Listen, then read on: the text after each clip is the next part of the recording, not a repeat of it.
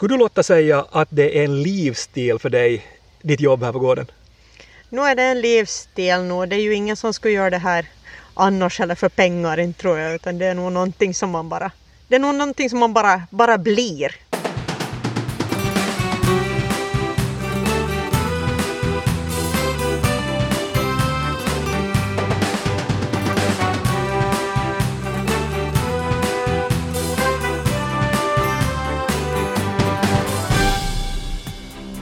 Framtidsodlarna är idag i den åboländska skärgården, närmare bestämt på Västeräng, Ytterholm, i Nagu och jag, Jens Berg, har slagit mig ner med Charlotta Björklöv. Hej Lotta! Hejsan! Vi sitter här ute i trädgården och om ni hör någonting i bakgrunden så är det Bernhard, tuppen, som kanske har lite ljud. Yes, han tycker om att gala. Han har ingen ordning på klockan han, utan han är med. Han är med dygnet runt han nästan. Han är med dygnet runt, så om ni hör någonting så är det, så är det Bernhard här. Vi ska idag tala om att hur det är att nå ut direkt till konsumenterna, bland annat via de växande och populära rekoringarna och sen också via de besök, Lotta, som du har här på, på gården. Men först innan vi, innan vi går till det så är jag jättenyfiken på hur, hur blev det då den här livsstilen för dig? Ja, hur blev det, blir det en livsstil? Det är väl nog någonting som, som alltså helt enkelt bara blir. Man börjar lite i någon ända och jag började med fem får och sen har det liksom bara rullat på det är lite sådär när man ser i backspegeln så inte vet man riktigt själv hur det, hur, hur det blev just så här. Men det, det, det bara blir. Mm. Och, och från fem då till cirka 150 idag? Ungefär någonting sånt. Alltså tack och med lamm så är de i runda slängar någonting sånt. Mm. Men när tog du över gården här då? Egentligen så tog jag ju inte över gården utan jag började gården för den här gården den fanns inte alltså. Jag började med att skaffa lägenhetssignum och, och, och allt vad det innebär i pappersväg och EU-papper och allt, hela cirkusen. År 2001 fick jag mina papper mm. på skick så nu har jag hållit på i 20 år. Mm. Men det här huset, alltså där du bor nu, så det fanns och det är liksom, du har barndomsband till det? Ja, det är ju byggt i slutet på 1800-talet, början på 1900 så det har stått här ganska länge det. Så att, mm. Men att det här har ju varit vår vår fasta punkt, knutpunkt, liksom number one, ända från riktigt, från riktigt liten. Mm. Så det har alltid varit hit som man har dragits. Fast jag är uppfödd mellan, mellan eh, glassdisk och godishylla på Kirjas butik, men det var hit som man, det var hit man skulle. Och hit där vi är så det är alltså Ytterholm nu och det är en fantastisk holme. Det var en spångbro som gick hit. Här finns tre eller fyra gårdar och inga bilar, det finns inga bilvägar här. Så det är därför jag är inne på det här med livsstil också. Jag sa när jag kom hit att wow, det här är häftigt, inga bilar. Och då tittade du på mig Lotta sådär lite att vad häftigt och häftigt. Och ja, ibland kan det väl vara häftigt, men Ja, no, det, det, det är inga bilar men vi kör nu Menke så att det, det är nog till hålla till höger för det fast inga är några bilar. Sant. Men har djur och lantbruk alltid varit din grej? Nu har det varit lite min grej, alltså när jag började fundera på vad ska jag bli när jag blir stor, det undrar jag nu. Men eh, då i skolan så då var det nog antingen något med djur eller något med mat, men att det hör ju egentligen ganska nära ihop i sista ändan i alla fall. Så nu har det varit liksom ditåt sen det har dragit ända sen jag var riktigt liten. Ja. Och nu driver du gården ensam? Ja. ja. Och det är ganska tufft tycker jag, alltså oberoende om du är kvinna eller, eller man, men det är ganska tufft. Ja, tufft vet jag inte. Det är nog frågan om det är tufft eller, eller, eller om man är lite småkorkad eller vad man ska säga. Men jag har nog mycket hjälp. Alltså min pappa är ju nog liksom min högra hand och, och det här och sen har jag mycket hjälp av min pojke Mattias också nu som är, är 14 nu redan och han skulle nog nästan kunna driva driv runt det här själv nu. Men att, mm. Så mycket hjälp får jag nog både härifrån och därifrån men det är nog det man försöker hjälpa tillbaks också sen när man, när man mm. hinner och kan. Mm. Ja, pappa din Sovi han körde, körde förbi en traktor här för en, för en, liten, en liten stund sedan också. Han bor några hundra meter härifrån blir det väl? Ja, 150 meter, ja vi ser varandras utlampor nog säger man. Så mm. Men om du ännu låter ta för, för mig och berätta det här hur Västeräng då växte fram från det att du hade fem stycken får till, till de cirka 150 du har, i, har idag. Du sa att när man tittar i backspegeln så vet du inte riktigt hur det blev som det blev. Men, men har det målmedvetet varit så att du har jobbat för att ändå få en så här pass ansenlig mängd djur?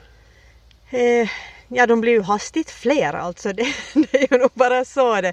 Men det börjar med fem och sen eh, då hade jag dem liksom i, i gamla fähus och så här men att så småningom så så det är nog liksom får som jag har möjlighet att ha här och det är får som jag kan liksom sköta, sköta själv. Kor är liksom för stora till att till vara alena med och sen just med betesmark och, och så vidare så att frakta omkring kor kring skärgården så det, det är ett kapitel för sig det.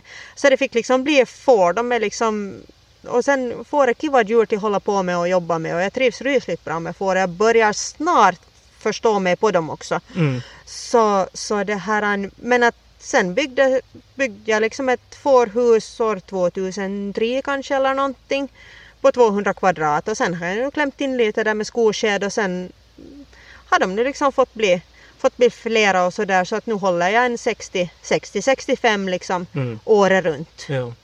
Nej, men det är intressant det när du säger att du börjar, börjar förstå, dig, förstå dig på dem. Är det sådär att du, att du märker personligheten och att du kan säga att okej, att det här fåret är, är ett sånt här eller den här den här baggen är så här eller den här tackan är så här. Att börjar du märka liksom skillnader i hur de, hur de är som, som individer? Ja, och jag avlar väldigt mycket på lynne.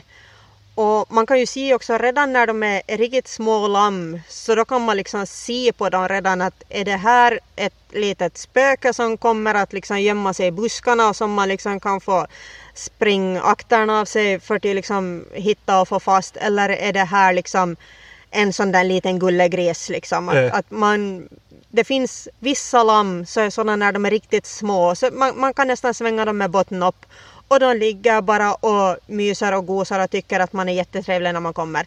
Och andra så ställer sig med detsamma i andra änden på kättan och, och, liksom och, och tror att man liksom ska komma och slå ihjäl dem vilken sekund som helst. Så de är som, som, som oss människor i princip. I princip ja, men väldigt mycket mer invecklade. På vilket sätt?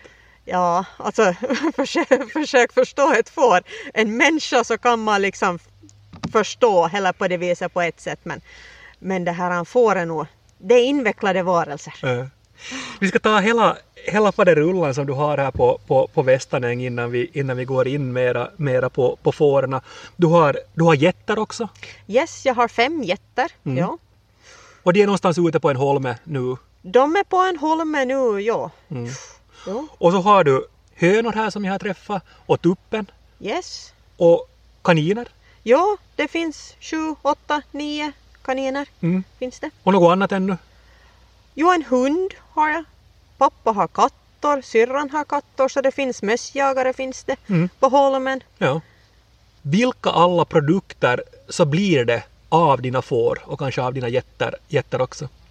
Av getterna så blir det ingenting. De är Nej. bara mina små hobbygullegrisar. Jag tänkte om det blir någon mjölk eller någonting sånt. Nej, inte ännu åtminstone Nej. inte. Nej. Nej. Men uh, utav fårarna så, no, det är ju köttet liksom i första hand och sen uh, det där med ull så det är ju ett kapitel för sig. Uh, det skulle ju, alltså det, de producerar ju ull alla dagar. Men att uh, den där lönsamheten i att ta det tillvara så det är ett helt annat kapitel. Men sen blir det ju skinnena. Mm. Och de bereder ju nog de flesta, inte alla, men ganska många skinn så, så bereder jag och tar hem och, och säljer liksom hemifrån och på marknader och så vidare. Mm. Fårhushållningen är alltså då din, din huvudnäring och, och den har du, har du utvecklat här. Hur ser årsrytmen ut för, för dina tackor och, och lamm här sådär i stort? Ja, i stort så är det ju så att eh, januari så är det ju lugnast. Och sen i februari så börjar lamningarna i slutet på februari. Sen är det lamning i februari, mars och april.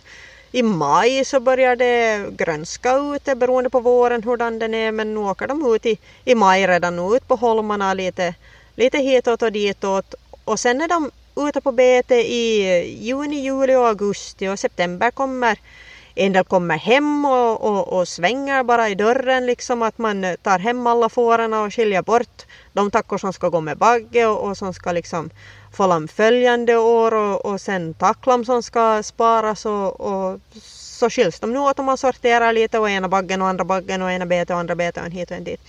Och sen åker en del ut på bete tillbaks och så får de vara på betet i oktober, november, när, beroende på Mm. hurdan hösten är när första snön kommer och, och sen är de, stallas de in någon gång i december, januari. Lite beroende på. Och betena då så har du här ute i, i den åboländska skärgården framförallt på Nagu, Nagu-sidan. Ja, det är nog, jag har väl på är det nio eller tio olika holmar runt om i, i skärgården. Att jag har det är Borstö och Trunsö nu längst bort och Brunkärr i Korpo och sen har jag på Helsingholmen är, är också lite längre bort och sen på Knivskär och Stenskär och Stenskärsöjen och, Lepun och Norrgrunne och på Kirjais och vilka alla ställen den finns på. Mm. Och då kör du ut dem med båt? Ja, ja. Och det tycker de att det är helt okej? ja de har väl inget val. men att, Kanske inte. men att nå, alltså de där äldre tackorna de vet nog liksom vad som komma skall. Alltså båt det betyder ju nog liksom Semester. semester och mat framförallt. Hela ett fårs liv kretsar ju kring mat. De gör ju vad som helst för mat. Så att, eh, och när de nu har varit liksom installade hela vintern så när de nu får liksom fara ut och åka båt och vet att det väntar grönt gräs så vem skulle nu stå då liksom och, och törvas sådär onödigt mycket. Men är det lätt att få tag på de här holmarna? Är det så att, att, att de som äger holmarna tycker att det är att välkommen hit Lotta med dina, med dina får? Jo. Det, För att de gör så pass mycket nytta där antar jag också. de gör väldigt mycket nytta och det skulle, alltså sommartid skulle det gå till ha fast alltså 200 får utan problem. Det finns väldigt mycket betesmark som, som det här, som de, alltså de hinner inga liksom med. Så, men det är ju lite det där som i år så har det varit väldigt torrt så man måste nog vara lite försiktig också att man kan inga liksom ösa i land 100 får på en holme. Utan de måste ju faktiskt också ha mat sen liksom hela, hela säsongen där så att Men hur ofta åker du ut och hälsar på dem sen när de är där på, på bete? Det är lite olika. De där holmarna som är, är närmare hit så, så det här så Dit åker jag nog liksom nu och då, eller sådär. Det är nog svårt att säga, lite beroende på väder och vind också hur man far. Men att på de flesta holmarna så, så finns det folk alltså som det här som jag ettdera har arrenderat marken av eller som, som de har alltså hyrt mina får. Antingen eller då. Och de håller ju liksom koll på dem och ser och räknar och, och håller liksom efter både lite stängsel och, och, och checkar, checkar sådär och så kommer det rapporter sen om det, om det är någonting både, både åt ena och andra hållet. Så. Men är det så där att, att du är orolig? Eller liksom funderar du mycket på dem? Eller är det en konstig fråga? Alltså vet du att går de omkring och tänker hur många de har det där på den där holmen nu? Nu har du inte hört någonting på flera dagar. Ja, alltså ibland så, så funderar man nog och i synnerhet om det är något sån här ösregn eller det händer inte så ofta på vårarna att det är ösregn. Men just när man har fört ut liksom lammen när de är små eller mindre, vad ska man nu säga, och så vidare och man vet att det är deras första liksom åsk och regnväder som de är med om så, så nu är det ju sådär så att man funderar lite att hur, hur har de det nu då, lilla, lilla knytte dit ute då men att nu vet man ju tillika att de har ju erfarna, erfarna sig och på alla holmar så är det ju liksom nog finns det liksom sådana trygga, trygga kryp in och sådär så de vet ju, vet ju nog vad de gör. Mm. Det är ju inte liksom något nya uppfinningar ett får inte så de har ju nog varit med before dem så de Men får man fara ut till, till holmarna också och besöka dem? Alltså på de flesta holmarna så har ju liksom besökshamnar. Så där får de ju liksom besök nästan vare sig jag vill eller inte så, så får de ju besök och det är ju jättebra. För då håller de sig tama, alltså det, det kommer hela tiden dagligen så kommer det folk som vill liksom umgås med dem och då hålls de ju liksom tama och, och det är ju absolut jättetacksamt för mig när jag ska liksom ha hem dem på hösten att inte de har varit helt ensamma i tre månader. För då, då är det ju lite annat. Men sen är det ju, och det är ju kanske det som man är mest orolig för, så är ju folk med hundar. Alltså fast man inte liksom, alla vet att man får inte släppa lös en hund på sommaren.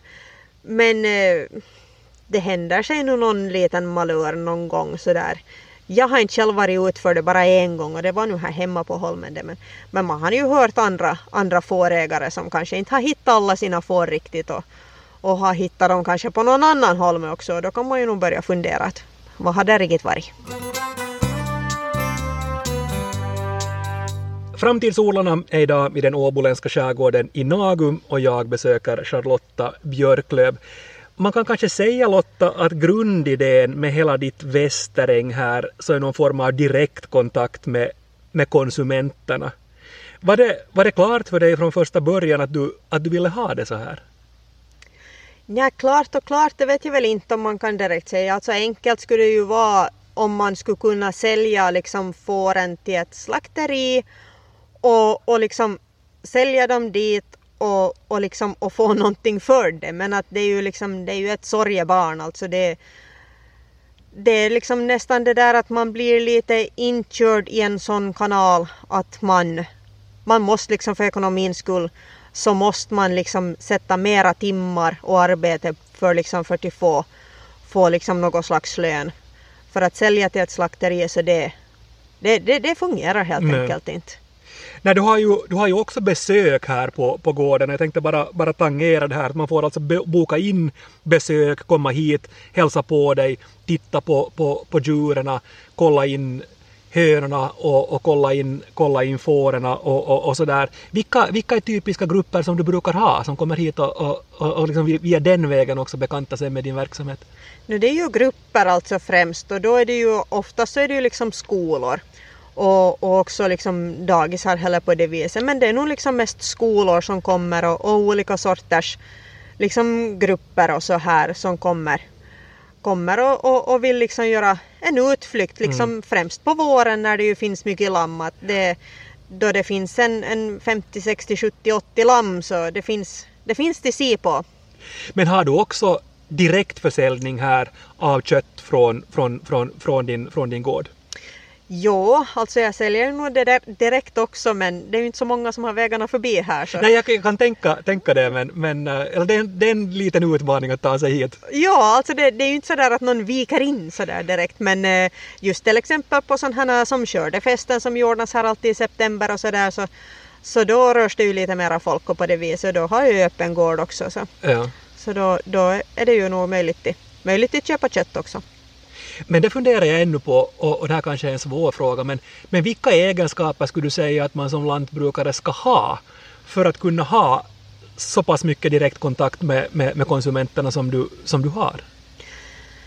Ja, det är nog en svår fråga men alltså det, det enklaste är ju liksom att man är som folk helt enkelt bara. Att man nu är liksom lite öppen, lite social och inte liksom hemskt gärna liksom går och gömmer sig någonstans utan och sen att man nu har lite kunskap om vad det är man håller på med. Alltså det, det att man det, när någon frågar att ja men vad gör jag med det här då? Så du kan inte stå och säga att ja, det har jag ingen aning om, det har jag aldrig gjort.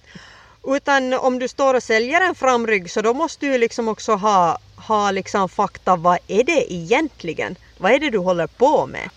Nej, för att, att, att rekoringarna då som jag var kort inne, inne på här i inledningen också, de har blivit ganska viktiga för dig. Ta riktigt kort ännu för, för alla som inte vet vad en, vad en reko, rekoring är. Berätta, vad är det? Ja, reko är att alltså förhandsbeställning och så hämtar du på bestämd plats och, och, och ställe och tidpunkt, alltså via Facebook. Mm. Finns nästan i alla små byar. Och, och är det Pargas som är ditt eller Nagu eller vilken, vilken rekoring är, är din? Det är nog alltså Pargas som är mera. Nagorekoringen så går lite sådär halvt på sparlåga. Där plingar det till emellanåt. Lite. Ja. När, när det finns någonting, när någon har någonting så får man absolut använda den kanalen också. Och sådär. Men, men eh, Pargasrekoringen där finns det liksom ett större, större kundunderlag. Så. Men då går det alltså till på, på det sättet om jag förstått saken rätt här och du får ropa genast och Lotta om jag är ute och, ute och cyklar eller om jag yrar. Men, men, men du är med i Facebook i, i, i den rekoringen i Pargas och så kan då en kund gå in på den och skriva att nu att finns det det här eller du sätter ut kanske vilka produkter du har först. Ja, jag sätter ut min annons då eller vad man ska säga och berättar det här finns det. Mellan himmel och jord som, som jag har hemma då för tillfället och så går alla in den som vill ha och så skriver man då och frågar också och där kan man ju också liksom diskutera att det är ju inte liksom bara det där att man måste göra sin beställning utan man kan ju också liksom diskutera att ja men vad gör jag med det här då? Du har någonting som heter så här eller så här liksom att en, en, en lägg, vad gör man med det? Så det efterlyser jag liksom själv att, att våga fråga liksom. Och så skriver de ju där då att vad de vill ha och sen är det ju utgiven tidpunkt då när man ska träffas och så kommer alla försäljare dit och så är det ett, sen är det som en myrstack liksom yeah. hela, hela liksom parkeringsområdet. Alla fnattar omkring med sina ägg och, och, och framryggar och allt vad de har och tomatplantor och gudarna vet vad. Men det är fruktansvärt roligt och man träffar massor med, med nya människor och, och, roliga människor och alltid så är det ju det är lite sådär att nej men se vad kiva är du också här det är ju lite den där mötesplatsen också. Och sen byter ju folk både idéer och tips och en och andra så det, det, det är en sån här kiva tillställning. Du är alltså också Lotta utexaminerad mathantverkare specialiserad på, på förädling. Hur mycket blir det just av det här som du, som du, var, du var inne på lite kort, att du ger råd och diskuterar att den här delen eller den här, den här köttbiten eller det här köttstycket eller det här ska man tillreda si eller så. Hur mycket, hur mycket blir du också en, en, en, en konsult i att tillreda fårkött eller lammkött? Eh, det är nog väldigt olika. En del har nog helt klart för sig att så här och så här och så här ska man göra och så har vi gjort det i alla tider och så är det så.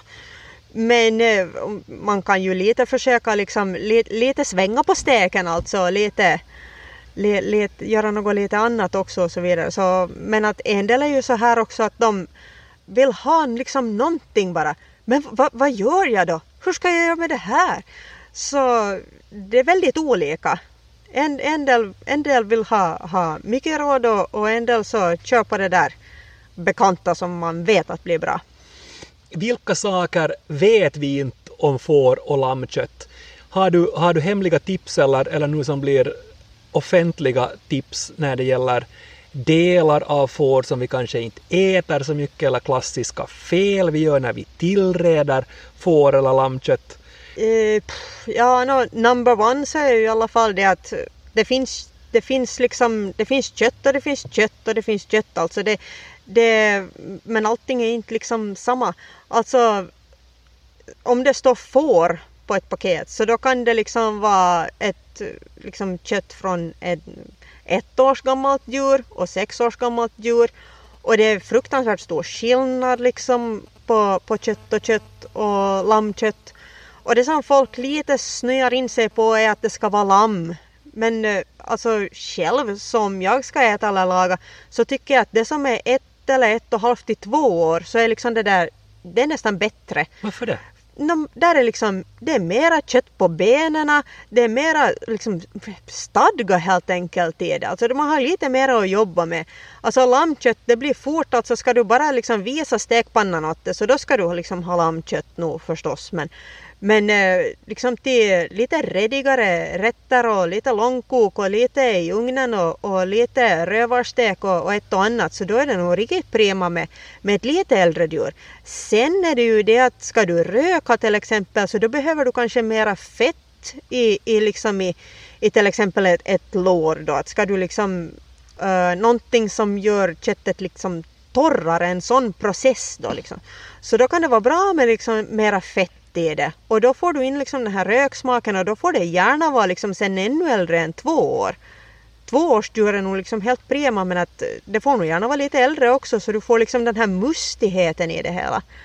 Att eh, ett, ett femårs gammalt liksom djur så är helt riktigt prima till laga, till laga rökt fårfjol på till exempel som, som lite torkar ut köttet men det blir inte på det viset torrt sen utan du har liksom fettet kvar där och, och sådär och sen är det ju förstås upp till, till både styckning och, och, och helt hur man lagar det också. Men, men både till slakt och, och styckning så är det ganska, det är ganska stor skillnad nog liksom där redan vad det är som man har att jobba med. Men det här är säkert typiska frågor du får när någon kommer och säger att hej, hej, att jag skulle bara vilja ha lammkött nu som är sex eller sju, sju månader. Eller vet du, liksom att det, det, här är en ganska typisk diskussion antar jag som du för med dina kunder i exempelvis rekoringen. Ja, alltså det är nu det där att, att just om man erbjuder kött då från lite äldre djur så då är det så där att folk säger att det vill vi ju inte ha. Men det är ju liksom det där att om man köper kött direkt av uppfödaren så då, jag åtminstone, så vet ju vad det är jag har. Liksom, jag vet liksom att det här partiet det är från sådana djur, alltså ungfår, som är ett och halvt år. Och då vet jag liksom till vad det passar liksom jättebra och, och vad det, som man kanske nu inte riktigt blir jättelyckat.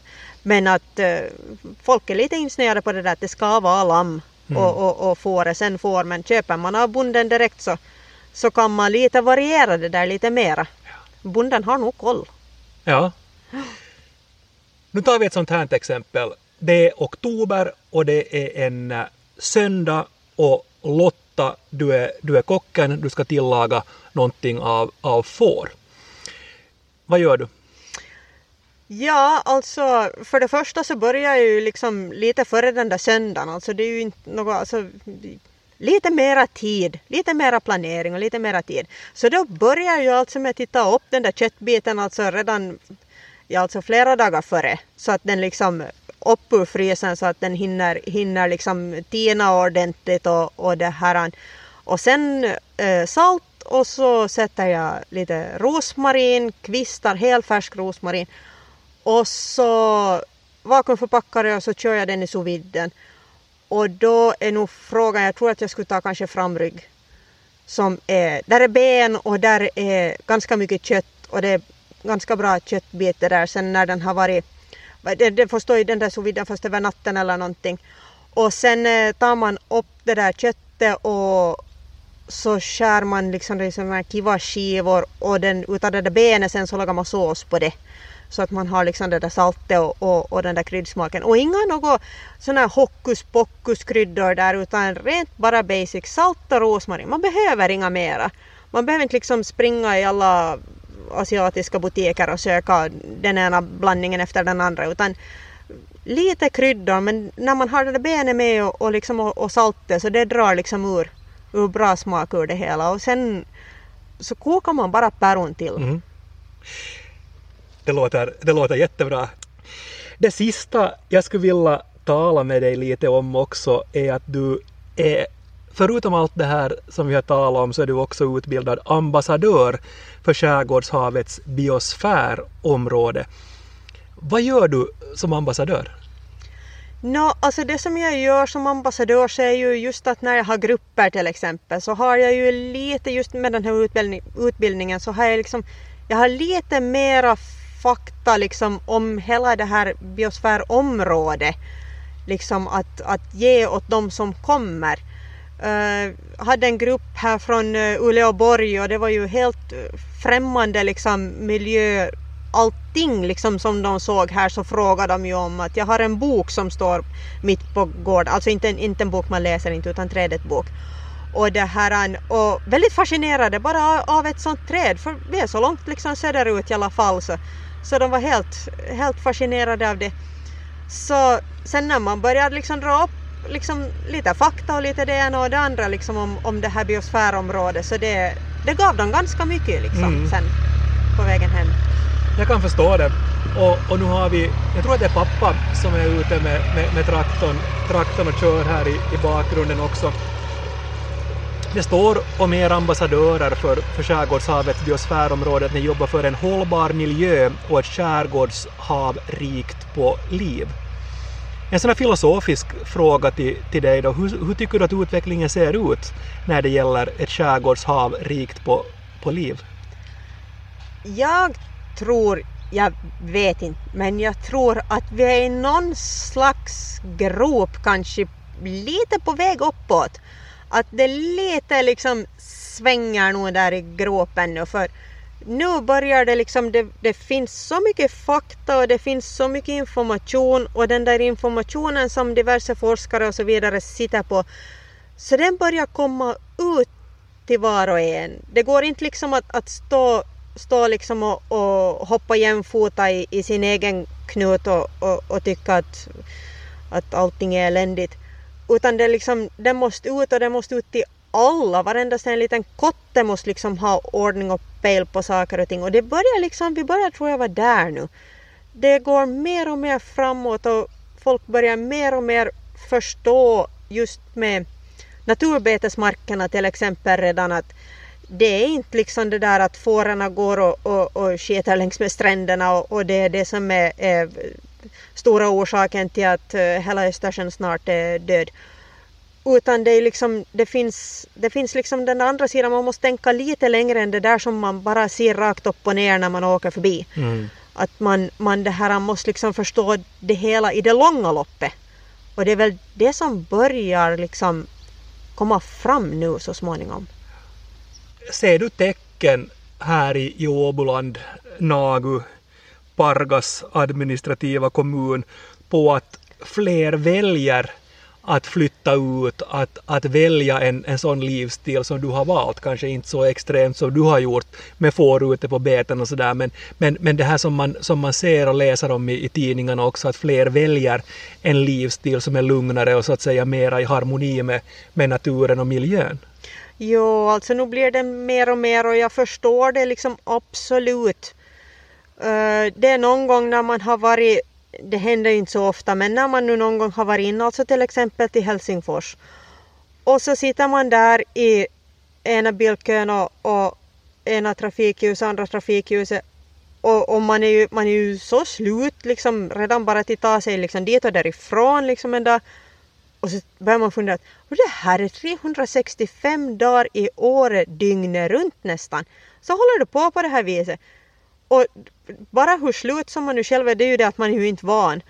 Men ändå så nu förstår jag förstår precis absolut alla människor som, som har liksom, det börjar vara rågat nu. Med, med, liksom med, med, med den här cirkusen som, som, som det är till, till bo i en stad. Och som man har ju funderat sen man var liten så funderar man ju på det där att hoho, att de orkar liksom sitta i den där färgkön liksom tre, fyra timmar liksom på fredag eftermiddagskvällar och, och, och på söndagarna. Men jag förstår dem absolut. Det, så skulle jag också göra. Men det är ju klart att alltså man, man, måste ju liksom, man måste jobba och man måste leva också. Så jag förstår liksom absolut det där. Men de som har möjlighet och väljer kanske byter jobb eller tar jobbet med sig, kan jobba på distans eller vad som helst. Nu skulle jag gå, absolut. Och nu skulle jag sitta där i färgkön jag om, jag, om det skulle liksom vara att jag skulle ha det som möjlighet. Mm. Och då kan det ju hända att det blir så att, att det du jobbar med, alltså direkt till konsumenten, nära konsumenten, så blir allt viktigare, att det blir en, en, en, större, en större cirkel här, här runt dig så småningom också när vi talar, talar stort om den, om den åboländska skärgården. Känns det liksom så också att du, att, du har, att, du, att du är på rätt väg när det gäller att snusa dig fram till en trend? Kanske, ja. Och sen nu har man ju redan märkt nu alltså med coronan så det har ju sagt liksom kaboom här i, i närheten alltså det, det folk är eh, ute alltså ända till menföre och, och en del också har de bara möjlighet så även fast menföre kommer och far så, så är de ute ändå har de möjlighet att röra sig på is så gör de det liksom vad som helst. Så, så, det här, så nu märker man ju liksom av det, av det redan nu. Det har liksom tagit ett sånt där uh, ganska stort kliv, liksom bara de här senaste åren. Att bara här i grannskapet så nu är det flera som har, har liksom vistats, vistats på stugan liksom året runt. Och det är ju jätteroligt för alltså det, det är alltid kul med, med mera grannar och det är, alla är trevliga. Det är trevligt folk. Så det kan hända Lotta att äh, när du tänker ibland att det, att det är mörkt och tyst och ensamt här på Ytterholm i, i november så det kan hända att det här kanske är ett framtida centrum. Ja, vem vet? Det, får vi, det får vi se. Tack Lotta för att jag fick besöka dig här idag. Tack, tack. Och tack för att du har lyssnat. Det blir ett nytt avsnitt av Framtidsorlorna igen i vanlig ordning om två veckor. På återhörande då. Mitt namn är Jens Berg.